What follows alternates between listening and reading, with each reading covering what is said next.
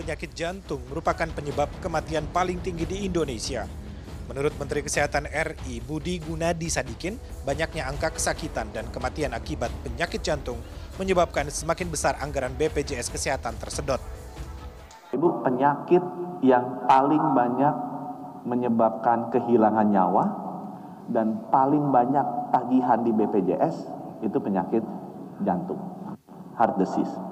Ini membunuh banyak masyarakat kita, kemudian banyak juga. Ya. Saya tanya ke teman-teman yang di harapan kita itu apa? Mereka bilang, ya kalau sakit jantung pertama kali mesti dipasang ring. Kalau udah lebih lagi dipasang ring kan nggak usah dibedah, ya mesti jantung terbuka.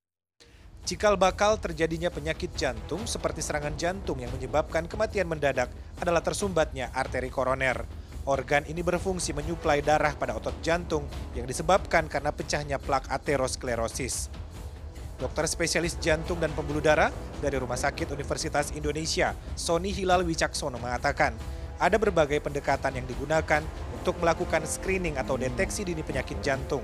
Di antaranya dengan mencari faktor risiko keluarga yang memiliki riwayat penyakit jantung, serta risiko lain pada orang yang memiliki penyakit diabetes, hipertensi, kolesterol tinggi, serta mereka dengan obesitas.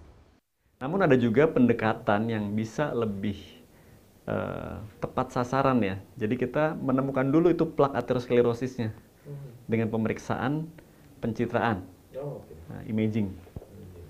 Nah, yang kami anjurkan di sini adalah CT calcium score dengan CT calcium score yang nol itu sudah ada publikasinya di Journal of American College of Cardiology Imaging uh, di mana eh, tahun 2020 dipublikasikan di mana event rate pada pasien yang CT calcium score-nya nol itu sangat rendah. Bisa 0,7 persen di lima tahun pertama. Menurut Dr. Sony, bila masyarakat dengan faktor risiko keluarga yang sudah pernah terkena serangan jantung atau ada yang pernah memasang ring pada jantung, sebaiknya segera memeriksakan diri dengan menggunakan CT calcium score. Dokter spesialis jantung dan pembuluh darah dari Rumah Sakit Umum Bunda Jakarta, Frins Augustinaga mengatakan, pemeriksaan CT calcium score pada jantung merupakan indeks penilaian untuk melihat dan mengetahui apakah ada potensi plak aterosklerosis yang memicu terjadinya penyakit jantung koroner. Keunggulan tindakan ini selain dapat mendeteksi plak aterosklerosis adalah non-invasif, tidak menimbulkan rasa sakit pada pasien. Selain itu, bahaya radiasi sangat kecil dibanding CT kardiak menggunakan kontras dan biayanya relatif tidak terlalu mahal. Bagaimana eh, dokter uh, spesialis jantung menentukan scoringnya dok dan penilaian seperti apa yang yang akan disampaikan ke pasien kategori yang mungkin ya rendah, mungkin yang ringan, yang sedang, yang berat seperti apa? Dok? Iya. Jadi yang paling terbanyak kita menggunakan metode daripada Arthur Eggstone ya. Hmm. Arthur Eggstone itu menggunakan skala uh, apa namanya yang sangat ringan sekali kurang dari 10, 0 sampai kurang dari 10, kemudian 10 sampai 100, terus di, lebih dari 100 sampai ke 400 dan lebih dari 400. Apa artinya di sini? Artinya bila mana kita sebutlah di bawah 10 atau di bawah 0 sama sekali itu hmm. sangat uh, rendah sekali untuk 2 sampai 5 tahun ke depan untuk menderita penyakit jantung atau uh, kejadian uh, coronary event atau cardiovascular event. Hmm. Ya.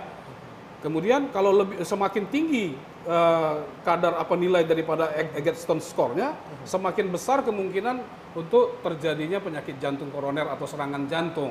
Dr. Frins menambahkan meski skor yang didapatkan rendah di bawah 10, tetapi terdapat keluhan dari pasien seperti nyeri dada, naik tangga, merasa lelah, dan nafas terengah-engah, maka metode deteksi dengan CT calcium score saja belum cukup. Harus dilanjutkan dengan pemeriksaan lain seperti treadmill stress test, elektrokardiografi atau ECG, ekokardiografi atau EKG, bahkan pemasangan kateter jantung.